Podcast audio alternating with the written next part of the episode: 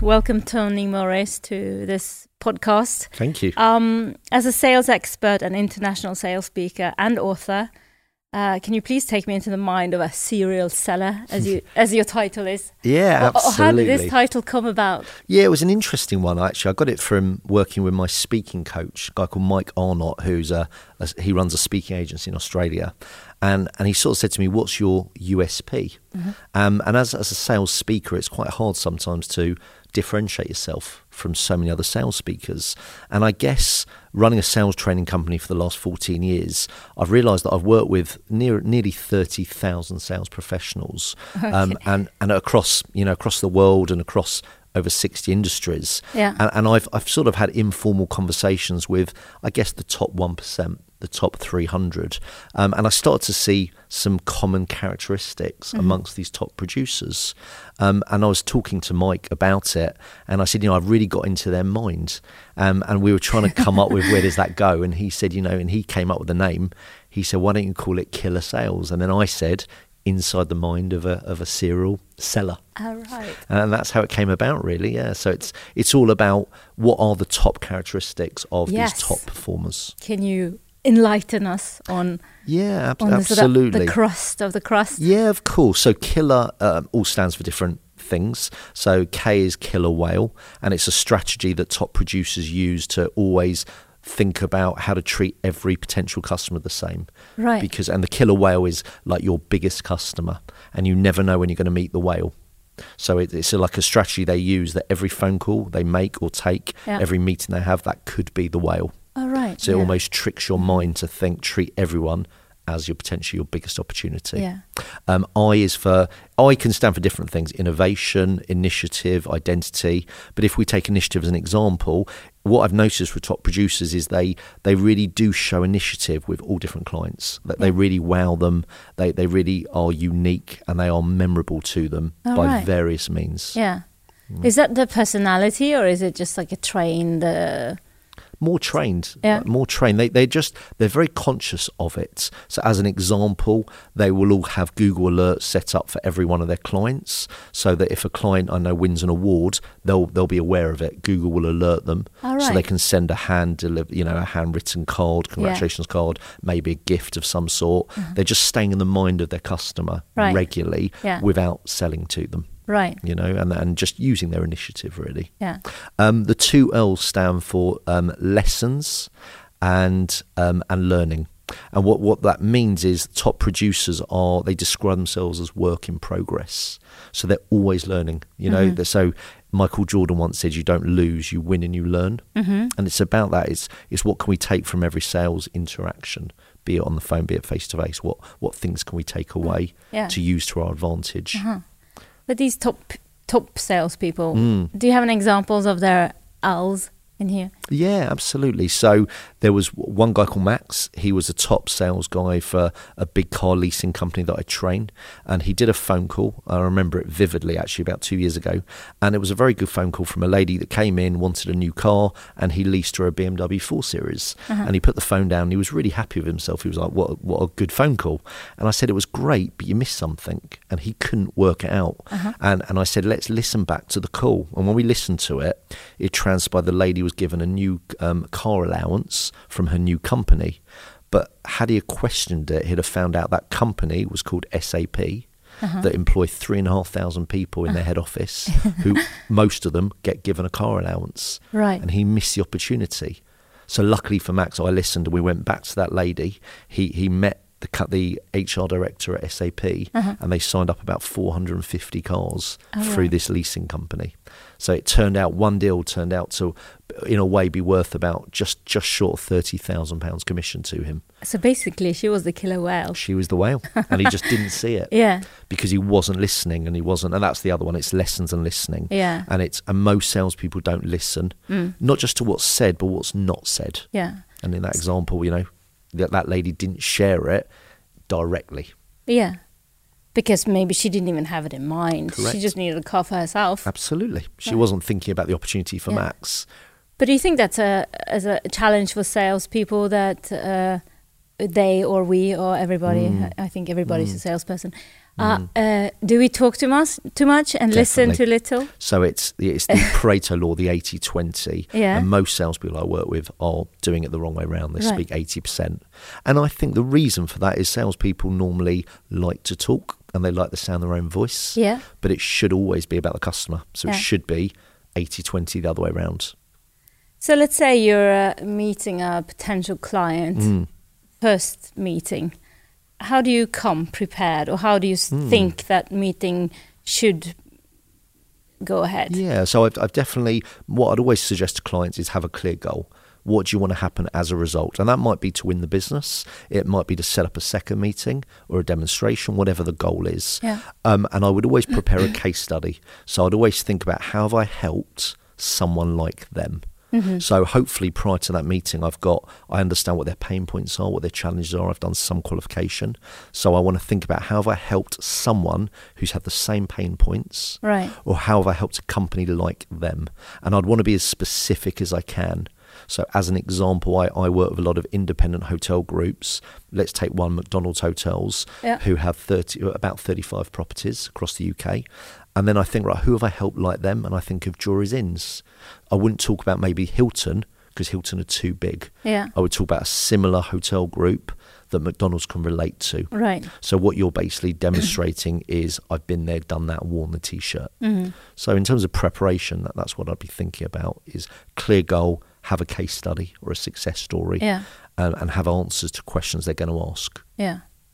Yeah. Because a case story is like, is it for reassurance or is it Yeah, for? I, I think it's for credibility. I think you you can sit there in the meeting and say we're the best, Mm-hmm. but I'd like you to prove it. Yeah. And I think the best way to prove it is evidence of how you've helped people like them. Yeah. And I think, you know, when, when I train people how to make a cold call, it's the same message is don't talk about on the phone what you do, talk about what you've done Yeah. successfully with people like them.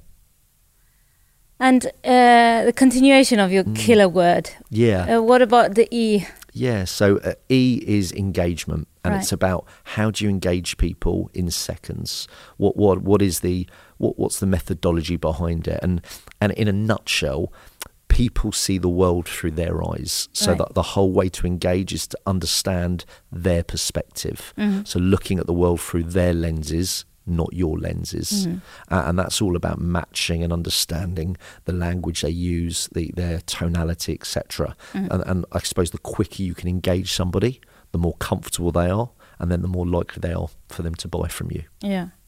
And and finally, the R in killer is what I call raving fans. Oh, yeah. And what I've noticed is top sales producers, because they wow their customers through being showing initiative and, and adding so much value, is they ask for referrals. And those customers don't they're not just a customer, they're a raving fan of yours. Right. And they'll talk to you, talk to their friends, family, colleagues of how, how you've helped them. Mm-hmm. So therefore you're going to get an introduction to how you can help their connections. But do you explicitly ask for a referral Absolutely. Yeah, all well, right. and when I say I, I'm Uh, going or, back or, to or the salesperson? yeah, and, and it's interesting. Only the top producers do. You know, and that you know, don't get me wrong. Other salespeople get given referrals, but the ones who are very successful ask. So it's not reactive; it's proactive. Yeah. and it's about the right timing, and it's also about how to ask. Yeah. how to ask? I mean, I'm I'm wondering how how would you ask for There- a There's two ways. Yeah. Um, it's two ways, and and I, I mean, I'll give you an example now. Yeah. I'll do it with you now live on the podcast. Right, So thank you. imagine, as you know, I run a sales training company. yeah So imagine you and me swap jobs. right So tomorrow you are no longer a consultant for SRF. Hmm. You are a managing director of TMI Training Academy, which is a sales training company, right? So Okay. you are MD. It's your Yes. baby. And as MD, you've got to go out there and win your first customer. Mm-hmm. Who would you phone? And- And have a think about maybe some of the biggest clients you've worked with. yeah Maybe think about where you used to work before you became a consultant yeah maybe think about your friends, your partner, your family. Mm-hmm. Where do they work? Any of them in sales, sales manager, business owner? Who would be your first phone call to win your first customer for TMI Training Mm-hmm. Academy? Who comes to your mind? Uh, do you want me to drop a no, name? share, yeah. Who would you call first? No, Uh, I would probably like not on a name level, but I would call someone who knows uh, what I stand for yes. uh, and uh, who who trusts what I say, or you know, and obviously is interested in what I'm selling. Yeah, so they, they maybe have a sales team or there's an opportunity for training. Yeah. So if you, after this podcast, if you can introduce me to that person, Yeah. I'd really appreciate that for my business. I'll find them for you. that's As how we're you do here it. at the conference. Yeah, Absolutely. Yeah, and, yeah. That, and that's how you do it. So you get them to enter your world. right. So if I said, you know, do you know anyone who needs sales training? Most people wouldn't even think about it and they'll go, no, it's not very engaging. Mm. Yeah. But if you get them to enter your world like you just did with me for a minute, Yeah. it makes you some names come round in your head and you think this person would be a good contact. Yeah. So I do that when I've got a certain rapport with people. If there's ones that maybe I'm, I'm not, you know, I don't feel they're as comfortable yet. Yeah. The, the, the technique is I get validation. I make sure they're happy with what I've delivered. Mm. And I'd ask the question, how have you found it? Then I would say a line like, most of my business comes from recommendation. Yeah. And then I'd say, with that in mind, who do you know? Yeah. Friends, family, people you've worked with Yeah. that I could help. Yeah. So you just keep it very. o- I think the key message is ask, Yeah. but keep it open. Yeah. Rather than do you know anyone? Who can you think of? Yeah. Friends, family, connections that I could help. Yeah. Because if they say, yeah, maybe. Then you say, great. Who comes to mind? Right. And hopefully get a name. and then you say, well, look, have a word with them. Let's follow up in a couple of days, Right. and that is it. And most people don't do it because I think they Mm-hmm. might Yeah. think it's rude or desperate. But the way I view it is, I believe you don't sell. I believe you help people Mm-hmm. buy, and I believe you help solve problems. So if I've solved your problem, Yeah. why can't I be introduced to your friends, family, or connections, and I can help solve their problems? Yeah. I genuinely see it like that. So it's basically it's just a long string of relationships and- Absolutely. and networking and Absolutely. And so on. And what I've noticed by interviewing these top producers, all of their business comes from either repeat custom or referred business. Mm. Mm-hmm. And the beauty of the referral is your chances of converting massively increase because they've heard Yeah. from a trusted source that you're great. Yeah. So they normally won't even look at your competition Yeah. um, and, and they won't even push you on your fees. And I I guess a prime example is me here now. Yeah. I, the only reason I'm sitting here and I'm speaking at this conference is my, a friend of mine, Dan Disney, very kindly referred me to Marielle. Hmm. She trusted Dan, and here I am. Yeah, she didn't even listen to your your previous. Uh, yeah, she just no. Daniel Disney recommended him, so it must be good. Absolutely. Yeah, So it's But- it's yeah. but to be honest though, uh, I I can almost feel sort of a, a slight blush by the thought of asking for someone to say, you know, uh, did you like what I did? Are you happy with my work? Yeah. Or and can you, you know, is is there a way around that? Yeah, i- absolutely. You've got to be comfortable. Yeah. So the, the way I would do it, I, I, you know, it's all about positioning. So once I've done a great job, because I mentioned timing's key. So once I've delivered, I'd probably say to the client, I'm always looking to improve. Yeah. I'd really value your honest feedback. How did you find dealing with me? Yeah, Now, obviously, if they said, I'll be honest, you weren't very good, Yeah. I won't say good. Who do you know? Friends, family. so I need validation. I'd have Yeah. to go, you were great. And I'll say, well, thank you. That means the world to me. Yeah. Mm. Most of my business actually is recommended. With that in mind, yeah, who do you know? Mm-hmm. Friends, family connections that potentially I could help. But I, I wouldn't do it until I've got that validation that they've been happy with what I do. Mm-hmm. And therefore, they can endorse me with absolute confidence. yeah. Interesting. And I think the point, you know, you said about blushing, and I go, I suppose being uncomfortable. Yeah. And I think with sales, it's about being comfortable with being uncomfortable. Mm-hmm. It's a bit like asking for the business. A lot of people find it uncomfortable, but the more you do it, and when it starts working, Yeah. it's not that uncomfortable. No. It's just a natural part of the journey. But I think some things are m- more or less uncomfortable, Yeah. and maybe one of the more uncomfortable uh, things could be cold calls. Yes. Yeah, Yeah. I mean, picking up the phone or c- g- getting in touch with someone in, Mm. in some kind of a mean that you don't really know, but you think maybe needs you. Hmm. I mean, is there a is there a secret to succeed in cold calls? Definitely. so, I mean, if you just take the two words cold call, Yeah. uh, I although that's how it's termed, cold to me means we've done no preparation. So I would almost call it a smart call. Uh-huh. So we, we know who we're phoning, we know why we're phoning them, we know how we can help them. Yep. Mm-hmm. We normally got an idea what their pain or challenge is because we've helped people like them. Right. So we've done a bit of research. Yeah. So I'd always suggest first before you pick that phone up, do your homework. Yeah. The next thing I'll talk about is what's I always call it what's your gap of a call. The G is your goal. again going back to the meeting have a clear goal do i want to book an appointment do i want to book a demo do i want, do i want to make a sale Yeah. Mm-hmm. what's my clear goal of this call and then the a is what's my approach and it's something i touched on earlier my whole meth- message is when i get hold of that decision maker it's not i'm not going to talk about what i do because it's boring Mm-hmm. but i'm going to talk about what i've done successfully with other people Right. or businesses like them Yeah. so i'm ready to name drop someone of a similar size Yeah. and I'm more importantly than that, I'm going to talk about the results we help them achieve. Yeah. And then, um, as, So less on your methodology and more on the results, Yeah, basically. absolutely. I won't even talk about, for example, in my world, I won't talk about the training because it's not relevant. Mm. I'll just talk about what the client received as a result of my Right. training. That's all they're going to care about. Yeah. And then I'm going to ask a very clever question, an open question that's designed to, to evoke emotion or to elicit a pain about their current situation that I believe I can help. Yeah. So when I make a call, I'm almost feeling I know I can help these people, otherwise I wouldn't be phoning them. Yeah. All I have to do is articulate how I can add most value in 15 to 20 seconds. Right. And then finally, the P in gap is am I prepared? Yeah. So if I'm looking to book a meeting, do I know my availability?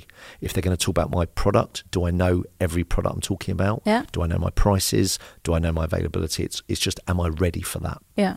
And then I make the call. All right. Do you literally pick up the phone, or do you Hmm. Yeah. do you use other means of entry? Uh, I might sometimes do a message first on LinkedIn, potentially. Some some of the people I try and work with, where they're really difficult to get hold of, I'll do a video first. Yeah. Uh-huh. I use a soft, a software called BombBomb. And I would send it's it's all templated and I'll send a video again with a powerful opening statement message. Right. Twenty seconds, it's tailored to that person. Yeah. So that my image they'll see on the email will be obviously of me, but holding a little whiteboard that's got their name on it, saying like hi John. So they're more likely to open the video. And All it's right. just yeah, and it's a personal message. Yeah. And at the end of that video, I'll be saying, I'm going to be calling you in the next couple of days just to see where I could add most value. right. So, not if, Yeah. where I can add most value. Where, Mm. A- And, sometimes they're more receptive to take the phone call. But yeah, and and then I just pick the phone up. Mm. And, and I'm, I'm confident without being, hopefully, without being arrogant because I genuinely know I can help serve that customer. Yeah. Uh, in in your interviews with these top salespeople, Hmm. i- uh do you have sort of a s- sort of a story or a, a- an experience that remains with you very strongly? Was there something uh, surprising or super clever that you sort of accept all of it? But Um, well, the, the, the sort of the standout memories I've got Uh-huh. that there was one guy Jamie I interviewed who was a he was actually the bottom performer when I first met him of an overseas property company. I remember it really well in Fulham, and he he met a guy who was staring in the window that Jamie described as a tramp. He literally said he looked homeless. This guy, um, but it was Jamie's first week. The company was called Someplace Else. I remember it really well, and and Jamie was brand new to sales, and he invited this tramp into the office and said. I can see you looking at the window. What caught your eye? And this guy said, "I'm, I'm looking at investing in in um, em- emerging markets." Anyway, and invited him in for a coffee. And the managing director saw Jamie interview this tramp and Yeah. thought, "What the hell's he doing?" And he said, "He's brand new. I don't want to embarrass him." Anyway, cut a long story short, Jamie sold him a, a property in Bulgaria for about quarter of a million pounds. And then within the next three to four years, it became their biggest ever customer. He spent about £8 million pounds on property Yeah. with Jamie. And what's quite interesting is that Tramp was looking in the window for the, the previous three weeks before Jamie started, and all the salespeople saw him, ignored him. all And, and they all were like, they were kicking themselves. Yeah. And it transpired this gentleman was a multimillionaire that just dressed differently yeah, um, and Jamie just didn't didn't even occur to him and didn't think anything of it and it just and, and he became the top sales performer Yeah. and it just it, it re- made me realize that we I know we do but we shouldn't judge because you just don't know you don't know who's your whale Yeah. and you don't know if they know the whale yeah, and it's almost remembering that every interaction Yeah. and almost switching that inner voice that we have that says he looks like he can't afford it or he looks like a messer yeah, switching it off because you just don't know yeah. you know that really stands out for me Um, I've seen some of your videos on YouTube, uh, Mm. and there's one that uh, I thought was kind of interesting, yeah uh, which is um, when you try to sell something, Mm. you we're often met with "you're too Hmm. expensive." How do you deal with that sort of Mm. Yeah. moment or situation? How do you sort of Yeah, absolutely. So I, I think everyone is met with that. And if they're not met with it, my suggestion is put your prices up. So you should be met with it every time. Um, that's the first thing I Uh, guess. really? Yeah, absolutely. because if, if they think you're too cheap, put your prices up. So I think that's the first thing. And I Yeah. think if you're then, once you are then met with you're too expensive, I need to understand what the prospect actually means by that. Yeah. So I would say, you know, I appreciate you saying that. What are you comparing us against? So I know, is it apples for apples? Um, let's say, for example, I'm £10,000 and I'm being compared to someone who's £7,000. I want to understand what's that person for seven offering? Is it like for like? As Yeah. in, can they do everything that I can promise I do? Now, if usually it's not the case, usually it's a different offering. Yeah. So my job is to sell the value of what I bring to the table different, Mm-hmm. but only for three thousand pounds. Yeah. And they call it sell the difference. Mm-hmm. So you don't talk about ten anymore. You talk about the little difference in, Yeah. in monetary value, Right. but what you bring to the table. Now, sometimes prospects are quite difficult, and they'll say the offer's very similar to you. Yeah. If that's the case, the, the technique I always suggest is I appreciate you think we're similar. Mm-hmm. If our prices were identical, Mm-hmm. who would you choose? Now, if they say the other person, you are stuffed, totally stuffed. But they, Mm-hmm. Oh, they you're lost. wouldn't, yeah, you're lost, but they wouldn't because otherwise they wouldn't raise the objection, you see. Yeah. So you know when you take price out by saying, if we were the same, who would you choose? They will always say you. Mm-hmm. And then you say, I'm really pleased, just so I understand, why do you think we're the right choice? Mm-hmm. And then you zip up, and what you'll then find is they're selling you Mm-hmm. back to you. Right. And they you give can you the say- arguments for giv- choosing you. Correct. And, and Yeah. they're telling you actually what things really appeal to them about Yeah. you. And then you say, Do you understand why we command that little bit more? Yeah. And there's nothing more persuasive than a customer selling you back to you. Yeah. So, so then you say, don't you think it's worth those three? you almost thousand? don't yeah you almost don't need to you're, you're Yeah. almost they're selling it to themselves Yeah. and they say now do you understand why we command that little bit more Yeah. and they get it Yeah. they really get it So if they say, for example, oh, this is my app, this is my budget, and it's really this is what it is. Mm. Then I guess I, I never believe in dropping price because I think it devalues what you do. Mm-hmm. So I think if you want to work with that person and they genuinely can't afford, Yeah. Mm-hmm. then you look at what I would say tradables.